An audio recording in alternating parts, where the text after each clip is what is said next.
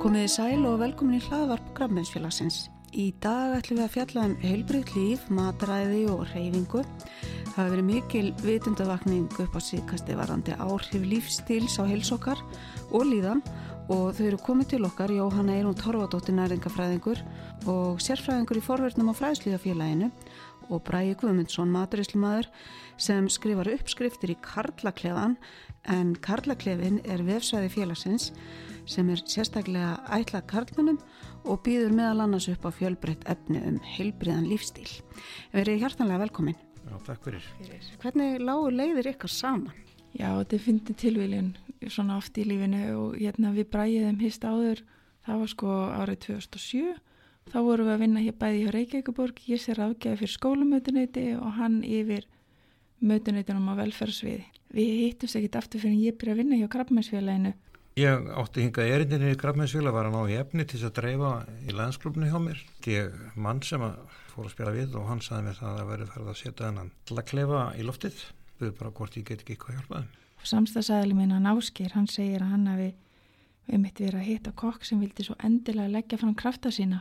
í fræðsluverkefni hjá okkur og ég þá kikið svona á hvað heitir hann og já, mér finnst ég kannast við nafnið og jú, er þetta þetta sé ekki samaður ég var að vinna með þetta fyrir sko meirinn tíu árun síðan og bara mjög spenntið við því og, og langaði að heyri hann um aftur og, og auðmitt. En ástæðan fyrir að þú kemur hinga í krabbmeinsfélagi bræði er svo að þú greindist með krabbamenn ekki satt? Já, ég greindist með krabbamenn fyrir þreymur árum og sama dag þá bara til að vinna að e, svo fór ég bara í, í uppskurð og meðferð og geysla og allt sem því fylgir og hræs og sprækur. Og alltaf maður tók til í hausnum á sér leðinu og þetta er svona svolítið um lífstíl fór að hugsa meira um hvað maður létt onni sig hvað reyfið sig meira og hvað skipti mestu máli í lífinu. Og bara fínum stað í dag. Já, þú breyttir mataræðinu, var það ekki? Tókst út kjöt? Ekki meðvita, þetta bara gerðist tækt og rólega. Lífinu þá bara uppgötu að okkur leið bara miklu betur, við borum miklu, miklu minna kjöt, borðum meira fisk og meira græmiti fyrir kvöldin erum ekkert að borða allan sólurhinginu sem maður gerði þetta galda. Já, þetta hljóma svona mjög skynsalega nálgun og það er svo gaman að segja frá sér skynsalega nálgun því að það er að dýrma þetta að oft nær það ekki alveg hérna sama sumu aðtegli og, og sumu viðbröðum. Það verður alltaf mangjöld á jólunum og við erum ekki, ekki, sko nefnum öfgum. Einmitt, en þú Jóhanna, þú hefur talað um að vera á skynsumi nótunum sérstaklega í jólamánuðunum þegar markasöflin eru hvað hávarist og láta ekki glepjast af þeim. Já, það er rétt. Það er eitthvað sem maður hefur tekið eftir núna í fjölda ára að það er alltaf komið eitthvað ákveðin skilabóð svona að fara á staðum í november, snemmi í november. Það gefur bara eitthvað frýtt spil á það að maður eigi að vera að borða rosalega mikið. Maður á að láta rosalega mikið eftir sér. Það er meira matarauðskriftum, það er meira svona allskis uh, jólamatselum sem eru byrjaði strax og hérna það er ákveðin þrýstingur á að maður sé að láta vel og gera vel við sig stöðugt og hérna svo kemur januar og þá eigum við að hérna girði brók og hætta borða líka við eða vera einhverja algjöru minnleitis fæði til þess að reyna að bæta fyrir allt sem við gerðum þarna síðustu tvo mánuðin árinu.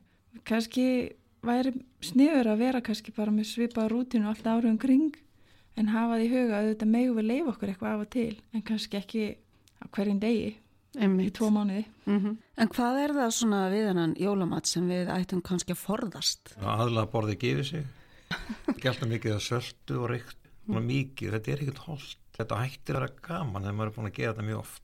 Já, við erum ekkert að tala um að umbylda jólahöfðunum, þetta er bara að kannski setja minna á diskina af sérstaklega salta og reyktakjötinu og meira það á meðlæti og það er, það er rannsóknin sína það að raukt kjöt er krabbaminsvaldandi og þá sérstaklega unnukjöt eins og það sem er saltað og raukt og það er náttúrulega líka hefur bara strax áhrif á blóðþurstingin þannig að það er við þurfum virkilega að fara að valja hennar mat sérstaklega eftir sem verðum eldri mm -hmm. og þá að hafa því huga að, að einbita okkur meira að meðlætinu og einhverjum öðru valkostum eða eru á borðinu mm -hmm. sem eru ég að fylgja með baunarétti eða hvaða er sem að gæti verið sniðut að prófa líka Akkurat. Það var allt best í hófi. Það er ekki að það er fimm jólunarborð og allt jólaglöggið og, og bara stíðinu þá bara líðið voru illa, bara þetta er hálf stíblaður og hérna skilja bara ekkit í þessu og alltaf hár blóðhristingur og, og líður ekki vel og er ekkur öðra að kenna bara. Menn verða kannski kursir hóf. Mm. Það er nú eina sem getur álægt fólki. Mm -hmm. Einmitt já, að kunna sér hóf, það er bara mjög mikilvægt. Taka sér ekki kannski alveg þetta fría spil í jólamánuðinu sem við vorum að tala um áðan því að svo kemur janúar og þá breytist aðeins tótnin. Þá einhvern veginn líku við maður er að skamma sér fyrir að hafa verið að borða í desember. Er skrítið. það er nýbúið að segja manni hérna borða og borða og borða en hérna skammast þið einn. Sko alveg fram að búnda degi þá kemur þorrin þá kemur þorrin þá þetta aldrei að taka þig á afturmaður þá er rétt búin að jefna eftir jólinn þegar byrjir að tróða í þig sko hákall og harfiski Já. og hangikjöti og öllu þessu súra og öllu þessu sem því fylgir. Eða sko annað áttak sko fyrir meldingafæri svona sipa á jólhaborðin maður þarf líka að taka það með í hófi sko. Veit, og það er kannski fólk er svona aðeins fara meira að segja nei ég er ekki alveg til að taka þátt í þessu. Vilja borða eitthvað annað. En þá erum við gott að eiga flatkukunar eða, eða hvaða er hérna annað sem við líkar sem er ekki svona salt og eitt. Þú veist náttúrulega harfiskur besti matur sem til er. Já, og hann er náttúrulega hollur, bara megin hollur. Já, hann er náttúrulega svolítið saltur. Það fyrir svona aðeins valið hann líka en, en auðvitað með. Allt gott bara í hófi. Mm, já, hérna Karlaklefin sem er nýr vefsíða sem var sett í loftið í massa þess ári og, og kom í kjálfar þess þegar að flott, þessi flotta auðlýsing var í gangi í Máttumass hérna, sem endaði bara að byrja hér mm -hmm og það er alltaf frábæra auðvilsing sem er að sjá um mitt inn á kallakljóðanu og, og virkilega gama hvað kom margir að því verkefni og voru tilbúinir að vera með. Og við vorum þarna að vinna með sérfræðingum frá hugsmiðinu í að vinna þessa síðu og vinna textan sérstaklega svona miðaðir að því að hafa næðin stittri og hnitmeðari og svona aðgengilegan með svona góðum fróðleiksmólum inn á milli. Og þar ákvaða við líka að vera með uppskriftir eftir að bræja ákvaða að vera með okkur í samstarfi. Mm -hmm. og hann er náttúrulega mjög jákvæður og segir að þetta sé ekkit mál og maður auðvitað getur ekki annað en trúa á hannum og hérna og að kallar auðvitað eru stundum, þá er það alls ekki algilt, þá eru margi kannski sem eru pínu rægir við að prófa sig áfram í eldursinu og hann er að setja þetta bara mjög einfaldar uppskriftir fram sem að allir geta elda og hann er snöggur að elda þetta, þetta er ekki eitthvað sem tekur langa tíma Jú, ég hef svona nota kissaða fyrir að elda. Keep it simple stupid. Að hérna það var bara einfalt, það er engin gemvísindi, þú bara elda mat baksteikir hann eða snögghittar hann. Það síður ekki alltaf mikið, það er að hafa þetta svona ferst og, og verða engin vandi. Svo bara læta maður hugmyndaflögir á það og veit ég ekkert hvað ég ætla að elda fyrir opna ískap Ég veit ekki hvað maður hefur lett oft í þessu. Og maður bara opnar ískapin og maður veit ekki hvað maður ætla að elda og þú ert bara með í þinnu skrift nota það sem er til í skapnum ekki, hérna, við þurfum ekki að eldast við ef við eigum ekki paprikuna eða tómatinn þá notum við eitthvað annað og ef að menn eiga kannski bara fiskbít og það geta bara búið til goða fiskisúpu. Já, ég prófaði með þetta daginn að gera naglasúpuna hérna, sem að verðs með uppskristaðinn á kallaklefanum og mér varst einmitt svo gaman að þú gifur þetta leifi og sem ég vilja hafa svo nákvæma lýsingar á hvað að vera en það, það, hérna, það hendar ekki öllum og það hendar ofta ekki því sem er til í skapnum þannig að það er mjög gott að að segja bara nóg oft. Við höfum ákveði leifi með þessu örskutti við getum breytið maðurlega og það er ótrúlega gott að hafa það frelsi. Já menn að elda er bara veist, sköpun, út bara skapa eitthvað ja, en, en bara í hvernig lagaru ef eitthvað misefnast þegar maður er að elda? Getur þú gefið okkur eitthvað svona kokkar áð Það misefnast aldrei neitt. Það er bara þess öðruvísi heldur að átt að vera. Ef þú brennir mat, það gerist kannski aldrei. Og ég hef náttúrulega brent mat og mér finnst ekki gott sko er hann eitthvað skefum að það bara af eða skerða hans frá og gera bara betur næst? Einmitt, það er algjörlega rétt í andin En þú eldar ekkert um mikinn hýta? Ég eldar yfirlt orðið við minni hýtaðingerði og loða bara bræðinu á hráðunum og njóta sín. En þú hefur líka sagt og sért svona tíu mínútur að elda venilega máltíð. Hvernig fer það eiginlega því? Já sko, maður, pass, maður byrja bara á því að skera niður og hafa allt tilbúið svo sem þetta elda. Tíu mínútur þetta er búin að skera. Og svo varst þið mitt að segja mig frá því þegar þú varst á ferlega í Kína þá borðaði þeir eiginlega bara súpur ég var svo hrettur um að fá að vera ekki nógu elda að maður fengi ykkur bakterjur og svona. Já, ég vildi ekki mm -hmm. fara eða ekki ferðalagi með því að fóði magan þegar ég horfið bara á að elda. Bara súpu fyrir einn, bara í lítilli vokbónu og mest það æðislegt. Það getur ekki verið ferskara. Einmitt, þarna er akkurat líka enn einn leiðin til að minka kjötnisluna, þú ert að bara súpu með fullta grammiti og núðlum en kannski bara smá kjöt með þannig að þú fær smá en þarst ekki mikið af því. Og ég leið alltaf vel eftir að hafa verið búin að borða ég Svo vann ég einu sinni með kynveri og læriði mikið á honum. Og... Já, þetta kynveska mataræði er áhugavert. En nú er einmitt margir að fara meiri verið í grammeti, sleppi mitt kjöti eða jafnvel fisk, mjölkurvörum og eru vegetarian eða pescatarian, vegan og hvað þetta heitir allt sem að skiptir þetta máli og hana? Nú, ég held að það sé alltaf jákvæmt ef fólk er svona spá í hlutina og er að velta þessu fyrir sér og líka bara hvað líður mér vel á að borða er eitthvað sem að mér finnst óþægilegt að mér líður ítlaf um, óholt mataræði er að draga að meðaltala um 11 miljónir manns til döð á hverju ári og þetta er sérstaklega ótímabæri döðsfell döðsfell mm. sem hefði verið hægt að koma í veg fyrir sem mm. er mhm. náttúrulega risastór tala Nákvæmlega, af hvaða völdum eru þessi döðsfell aðalega? Um, þetta er svona nokkri þættir en um, það er nefnt svona efstablaði lítil neysla á ávöstum og grammiti, mikil neysla á sigrum drikkjum og sigrum vörum og svo er það náttúrulega kjötneyslan og, og bara almennt svona skyndibitafæði sem er mjög orkuríkt að það er það sem er að hafa þessi áhrif. Emitt og áfengi er eitt af því, þannig að þetta eru svona nokkri þættir. Þetta eru nú kannski ekki margi þættir sem að geta gert svona gæfi munnin og, og við getum verið að koma í veg fyrir fjölda sjúkdóma ef við pössum upp á einmitt að sérstaklega auka hlut grammitis og ávexta í fæðinu aðeins að minka kjötið að þá eru við og svona alltaf þetta helst ekki verið síkurum drikkjum, síkurum kostdrikkjum eða orkudrikkjum mm -hmm. Og þetta eru þetta eru nokkur svona virkilega mikilvæg og jáka spór og geta haft góð áhrif okkar eigin hilsu en líka mingað á losum gróðurúsloftegunda til dæmis með því að borða minna kjöti og það er líka jákvægt þannig að þetta er svona samlegðar áhrif og þetta er bara góð umræða og skemmtileg og þörf. Og við þurfum náttúrulega líka að þetta passa okkur að fara ekki út í einhverja öfgar, gangi ekki á langt með mataræðið okkar þannig að það sé einhver ákveðin hætta á næringaskorti en í dag líka hjá þeim sem borða kjöt og er að borða frekar eina eftir geta líka verið alveg mikið hægt og næringaskotti þannig að við þurfum bara alltaf að muna að fjölbreytni skipti greiðarlega miklu máli. En hvaða sjúkdómar eru þetta svona aðalega sem að fólk er að fá út af mataræði? Já, ef við erum með mitt að tala um þetta að borða mikið sigrað mat og, og lítið ávustum og grammiti og, og allt eftir því að þá eru aukin hætta á þá aðalega krabbameinum, hjart- og aðsjúkdómum og síkusíki af gerðin eitt. Þetta er svona algengustu sjúkdómanir og eru að draga fólk til dauða um allan heim bara í stórum parti.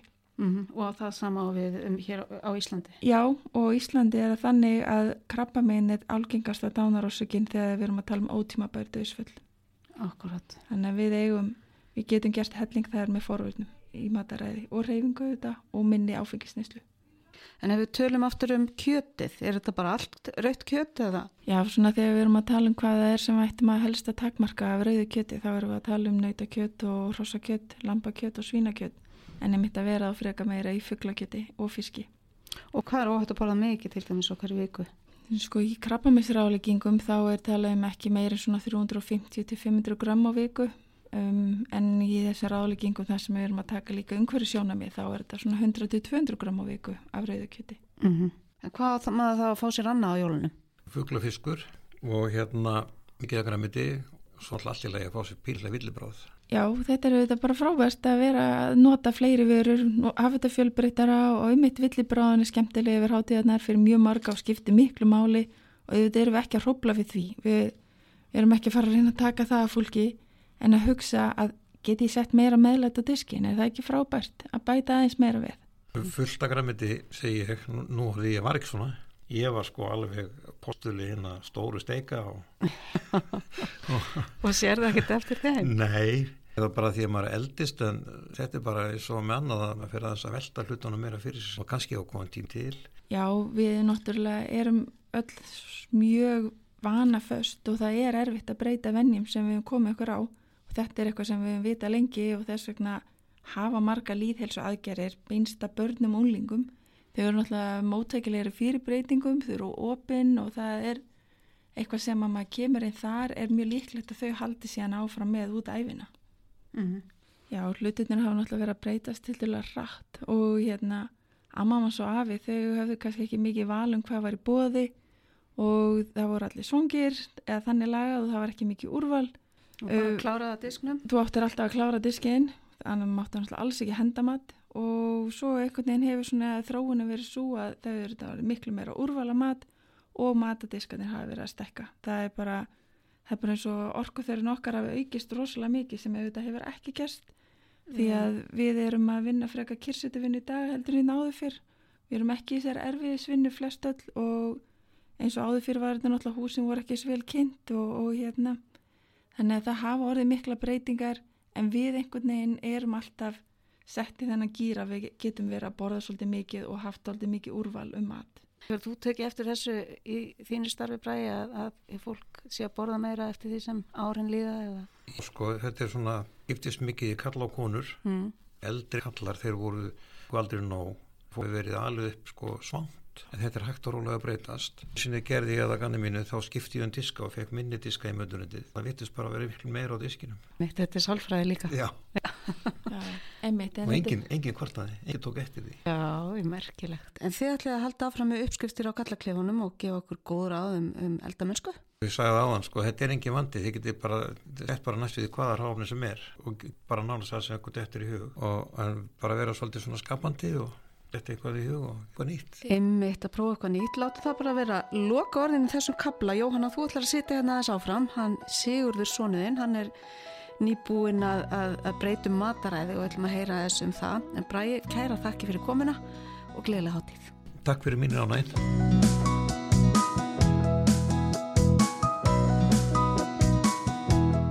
Og hann er komið til okkar einna hérna, Sigurður Darri Rapsson. Verður hjartanlega velkomin. Takk fyrir það.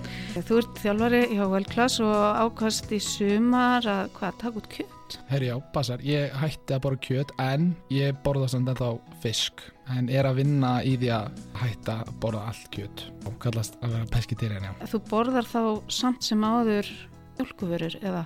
Sko, ég er með svona reglur. Ég, ég, ég reyna að vera með vegan morgumatt mm -hmm. svo stundum í hátdein að leiða mér uh, fisk mm -hmm. og svo á, í kvöldmatt fær ég aftur í vegan svo í millimáli þá stundum slýsast einn mjölkur afurður Hver er ástæðan fyrir að þú breytir um mataræði? Já, ég held að það séu mjög margar ástæður en uh, kom mér endalega út í það var þegar ég fór með vinahóttnum mínum uh, í skíðaferð og var alltaf í norðin eini sem borðaði kjöt. Þá hugsaði ég, ég geti þetta ekki lengur og ákvað bara að sleppa því. Eru þá svona margir í kringum því sem hafa tekið það út? Á bæði og eins og þessi aðna tiltekni vinhópir, þar eru allir hættir að bora kjött og eru komin svolítið langt í því en svo á ég líka aðra vinhópi sem byrju, neitt byrja að hugsa út í þetta. Svolítið skemmtilegur hópi sem var smiðs ekki, þetta eru krakka sem var smið í grunnskóla. Þið fóðu hvað að fara saman í skíðaferð og ert þarna minni hluti að, að vera sá sem borða kjött með hinnum krökkunum. Já, þetta var ótrúlegt en þetta komir út í þetta og ég sefti því. Mm -hmm. Finnur breytingu? Nei, e, í rauninni ekki þetta er bara ekkert eitthvað svona wow en kom mér margt óvart við, við þetta mataræði mm -hmm. Þetta er auðvöldara en ég held líka bara að ég, sérst, ég er ekki bara þjálfa, ég æfi líka. Og það skiptir mig miklu máli að, að halda líkamstingt ég, sérst, ég lifti í ólimpísku liftingum mm og mhm. þar keppum við í þingdaflokkum og ég á að auðvöld með að léttast. Ég veit ekki hvort að, jú það er, það er fólk sem tengir við það en, en, en ég var með þess að hugmynda að ég yrði að borða nógu kjöti til að halda líkamsnýtt meðan ég var að segja þetta við mig þá var ég að léttast og léttast og léttast. Og svo ákvæði ég að byrja að bora græmiti, mér var eiginlega bara allt í unni sama en þá náði ég aftur að þingjast Já, erkilagt því að margir ymmið tengja hérna, við bara ymmið á þurfur kjöt. Og ert í, í mikill í líkastjálfun Já, þetta er merkild, það, það eru svona hugmyndi sem eru bara búið að festast í manni að, að í hverju málti það verður að vera þetta kjöt og, og maður getur ekki verið sterkur og, en þetta sé orðið, orðið svolítið úrælt. Mm -hmm. Já, þetta snýst náttúrulega um það að fá næga orkur fæðinu og til þess að það maður að borða reglulegu daginn og maður þarf að borða sæmilega mikið maður má náttúrulega ekki gleyma máltíðum. Þá er maður hættar við að maður fara að léttast.